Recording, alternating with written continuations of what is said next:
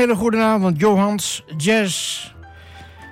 We hebben een apart programma vandaag en dat heeft zijn eh, ontstaan aan twee dingen te danken. Ten eerste, ik heb uh, een goede cassette recorder gevonden die mijn oude cd's kan spelen. En een van de dingen die ik daarbij aantrof was een Portugal suite die ik schreef in, laten we zeggen, in 1992. Toen was ik drie jaar daar geweest en ik had al zoveel indrukken opgedaan bij elkaar. Ik denk in zes of, zes, zes of zeven weken.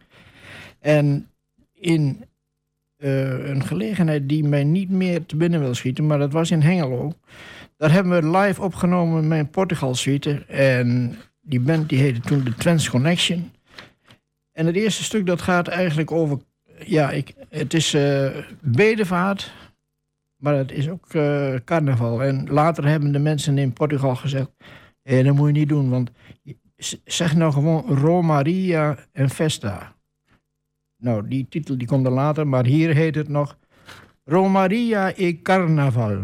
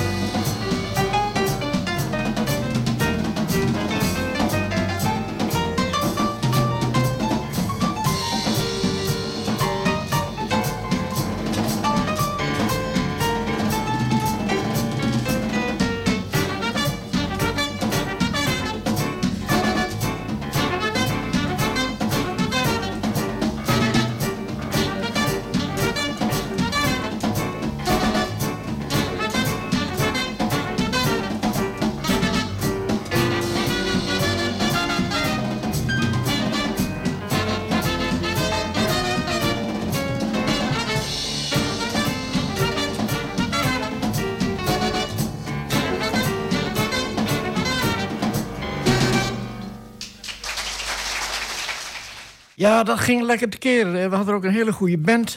De trompetist was Bert Fransen. Dat is trouwens de leraar trompet van Remy Keuping... die onlangs nog hier in Biep speelde. En Gerlo Hesseling, die speelt ook nog steeds met mij op uh, saxen.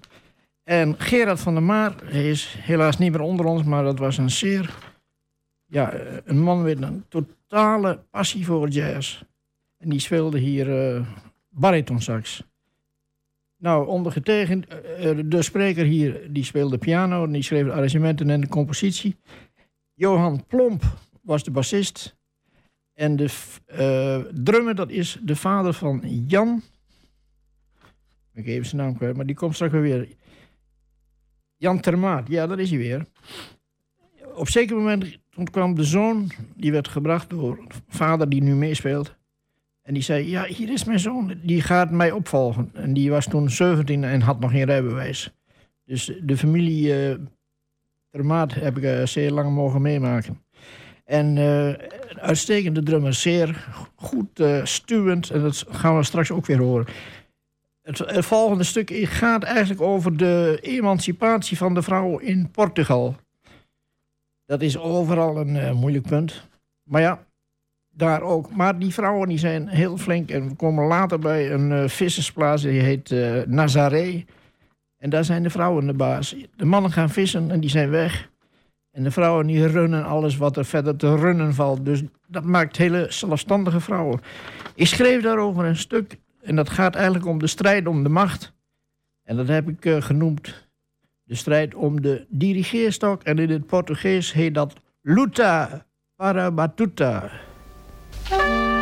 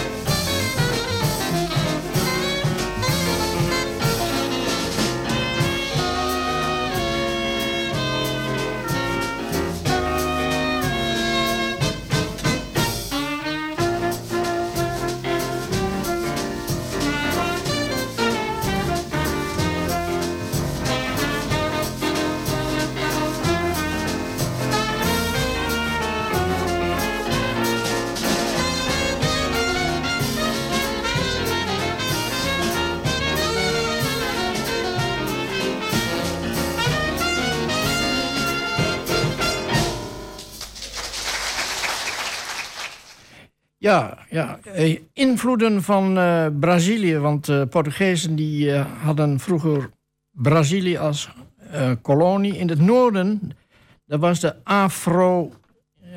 hoe noem je dat? Afro-Braziliaanse bevolking. En die hadden nog invloeden van hele mooie ritmes uit, uit Afrika in wezen. En dat hoorde ook in het allereerste stuk, weet je. Want het kan Caribiën zijn, maar ja, de muziek van Afrika die is over de hele wereld verspreid. Dus je kunt er overal tegenkomen. En via via dus ook uh, in Portugal en ook in de suite van mij. Het volgende stuk is een uh, bossa nova. En die heeft er ontstaan gevonden. De bossa nova niet, maar dat was uh, zoals bekend Brazilië. Maar het stuk heeft zijn bestaan gevonden in een ontmoeting met een heel arm vrouwtje. Die had een heel klein ezeltje en die trokken een, een kar. En daar stonden alle verse groenten op die ze ging verkopen. En als ze dan een hele dag van 7 tot 7 was bezig geweest, dan had ze 20 euro uh, ingebeurd. Ja, dat was geen vetpot.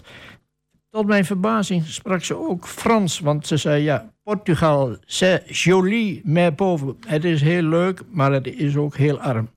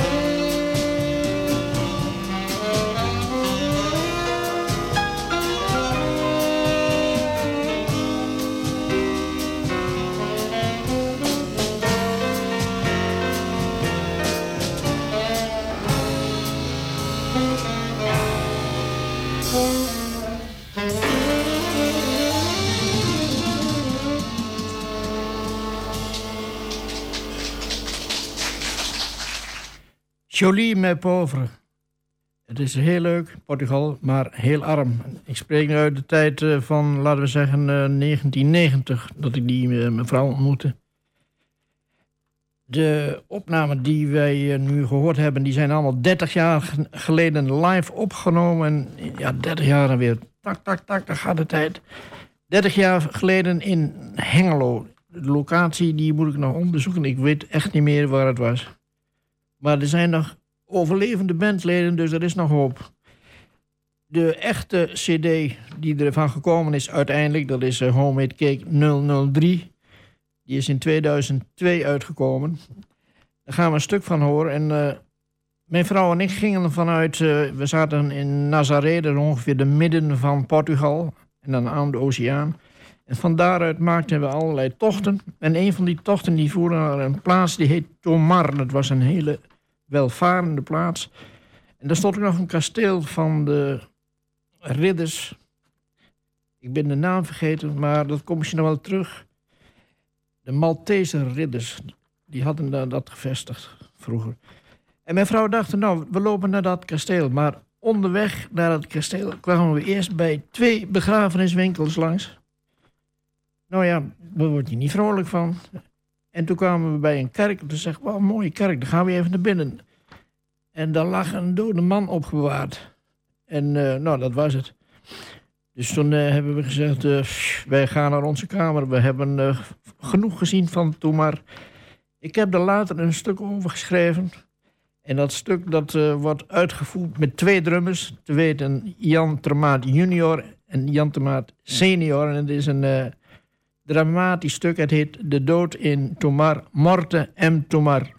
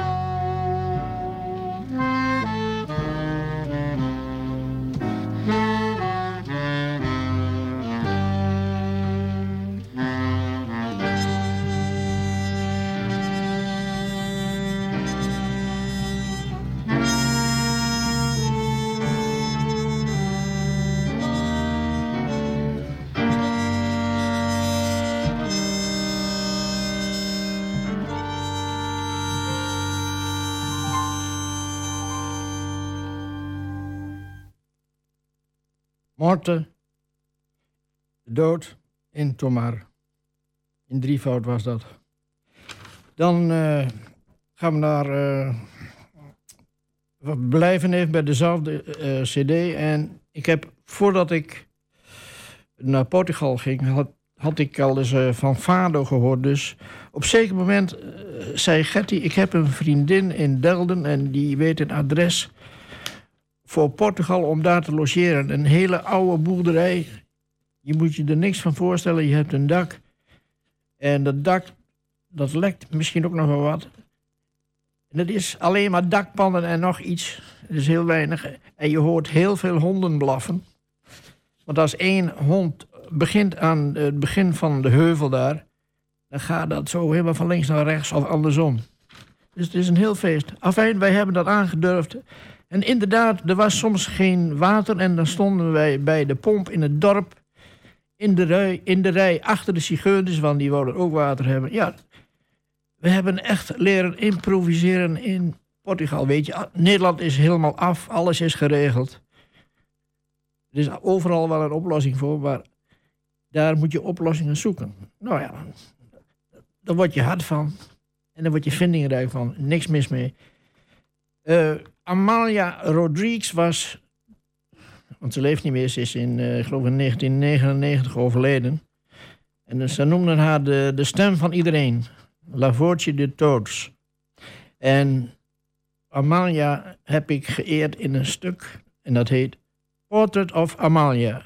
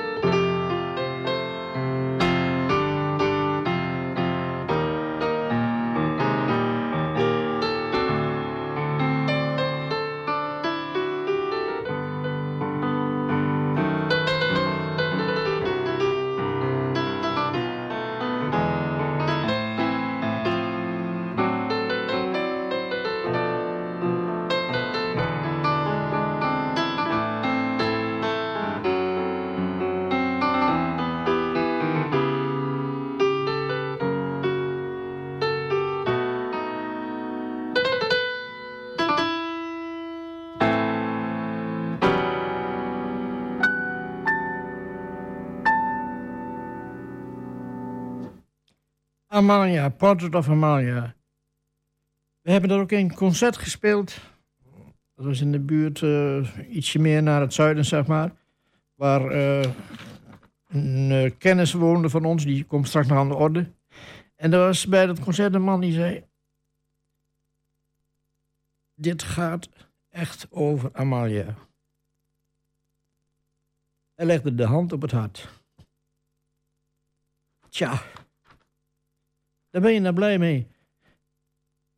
In Oldenzaal werd dit stuk opgenomen op een prachtige, hele fijne vleugel. En uh, ja, dat maakt natuurlijk wel wat uit of je op een wrakke piano speelt. Ik ben begonnen ooit met de hotdog met een hele wrak pianootje. De meeste toetsen deden het, als je geluk had. That's life. Goed, ik had het over een kennis en die kennis die uh, heb ik in 1993 met een stuk al vereerd. En uh, ze heet, van haarzelf heet ze Hartkamp.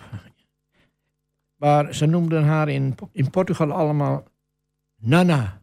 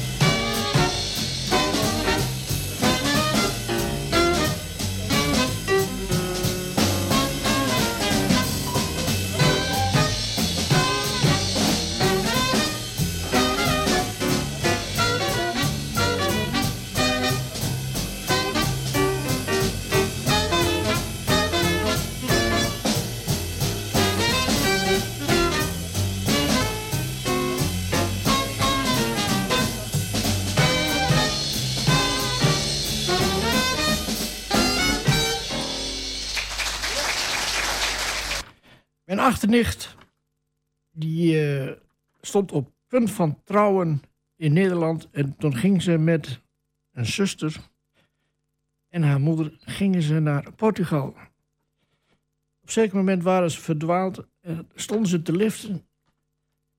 En de man die hun meenam, nou, die heeft haar letterlijk meegenomen. Ja, niet meteen, maar daar is ze mee getrouwd. En ze heeft nu uh, drie hele mooie dochters. En Nana is nu, want toen was ze een meisje van 21. En nu is ze overgrootmoeder. Oh nee, wacht even. Laat niet te snel doen. Grootmoeder van, van 54. That's life. En uh, dat is familie van mijn vrouw. Ik zeg altijd, dat is de mooie kant van uh, ons uh, gezin. En die heeft een nicht. Die is dus de moeder. En dat is dan, zoals ze noemen, de overgrootmoeder van die vier.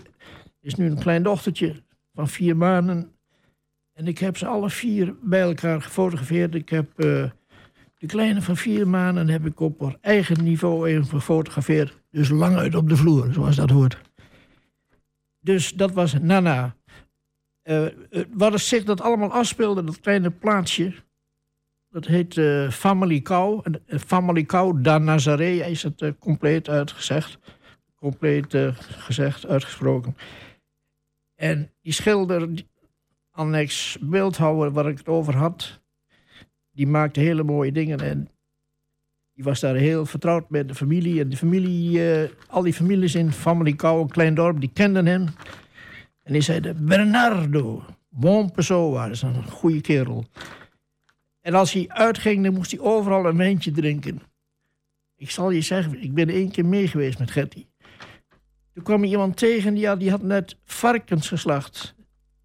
En dat moest even gevierd worden. Dus wij, wij er naartoe. Eh, je zegt niet te veel, niet te veel. Nee. Alleen de bovenste, het bovenste deel. Maar de rest dus ook. De volgende dag moesten wij uh, een reis maken. Carnaval. Ja, het was geen carnaval. Het was eigenlijk een uh, bedevaart. Daar hebben we al een stuk van gehoord. Toen dachten we van, nou, dan gaan we nog even lekker slapen. Maar diezelfde nacht en ochtend eigenlijk... was er de opening van het jachtseizoen. Dus om, om vijf uur waren ze al aan het schieten met geweren om dat te vieren. Ja, ja, ja. En toen gingen we in de bus. Eh, we, dachten, nou, dan kunnen we even slapen. Nee hoor, vrolijke muziek. Beetje Braziliaans van de ritme. En de hele club was weer wakker. En ze dronken al een wijntje om een uur of zeven s morgens. En er werd al even gedanst op middenpad. Dus het leek wel een beetje op carnaval. Het is niet zo gek dat ik dat dacht en daar eerst zo'n naam aan gaf.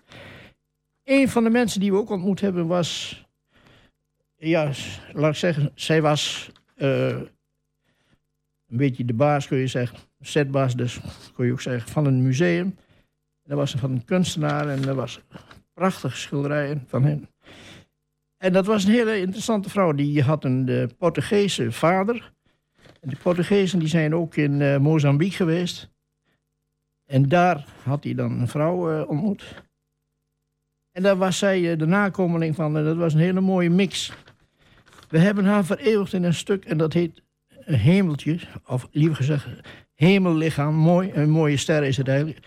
Seu.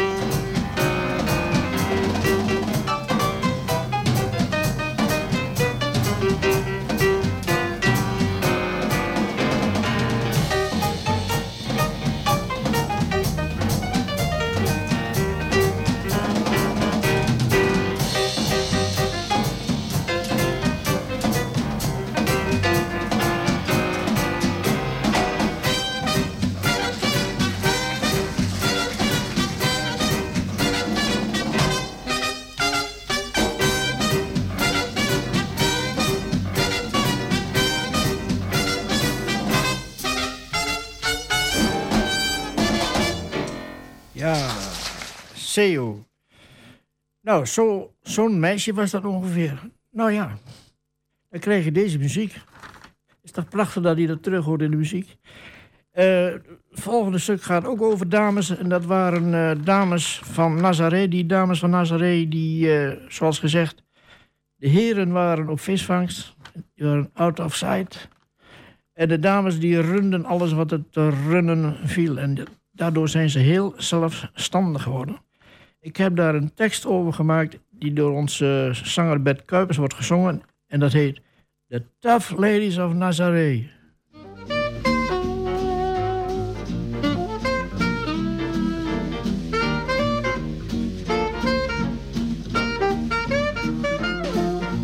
Tough ladies of Nazaré live at the Atlantic shore. In that fine old country, Portugal. Listen, please, some more. They're tough ladies, leaders of the fishing trade. And they wear wonderful costumes, so many skirts, what a parade. They're tough ladies,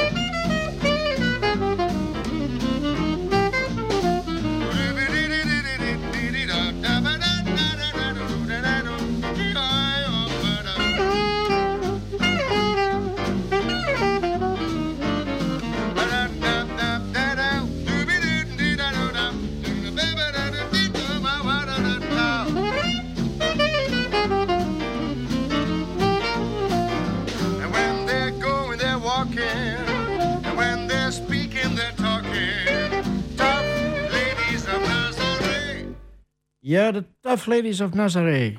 Die waren niet min, zeggen ze in Twente. Oh, sorry, in Friesland zeggen ze. En hier zeggen ze, niet te krap. Die ladies van Nazaré. Dan eh, hebben we ook beleefd daar in de buurt dat we naar een eh, processie gingen. En die processie, dat was in Sela Nova, een heel klein dorpje. Maar heel actief. Ze hadden een hele grote tent neergezet. En daar zat een heel muziekkorps in. Er was ook een eh, Maria, was er. En Maria die had het kindertje Jezus bij en nog twee engelen. Ik heb er ook foto's van gemaakt. Die wil ik eh, volgend jaar exposeren. Want eh, dat is toch wel heel bijzonder. En ze speelden ook een beetje Mozart-achtige melodieën. En dat is samen geworden Nossa Signora de Celanova.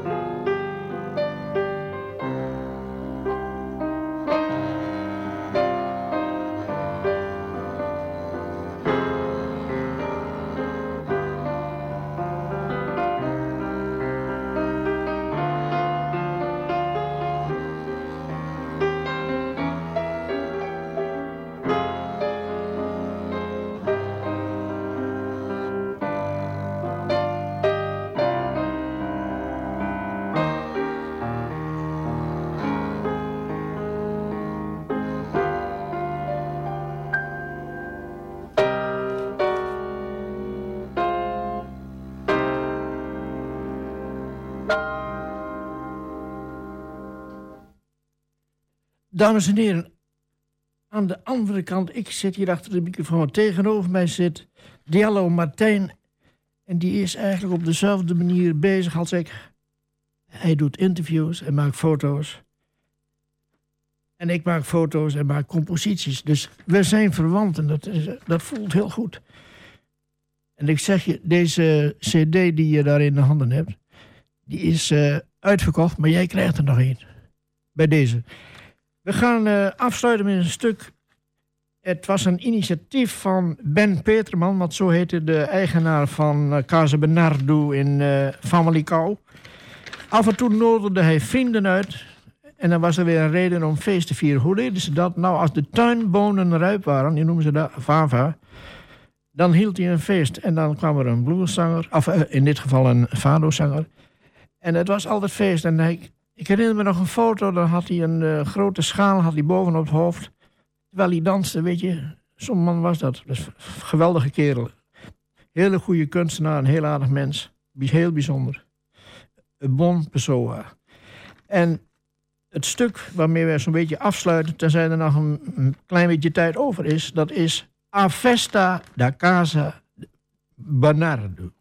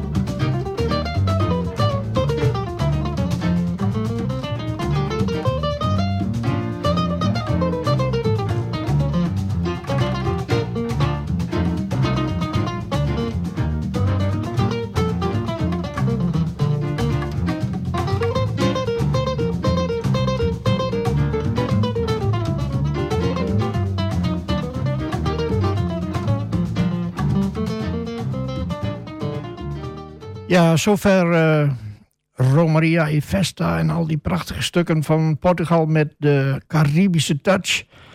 Dankzij Mozambique en, Brazilië niet te vergeten. Dit is een voorbereiding op het concert met Fado volgend jaar in oktober. En daar gaat u ook weer wat meemaken. Volgende keer vertel ik meer over de concerten van 2024. Uh, alvast een goede jaarwisseling, goede feestdagen gewenst. En tot in het nieuwe jaar. Yes, that's all.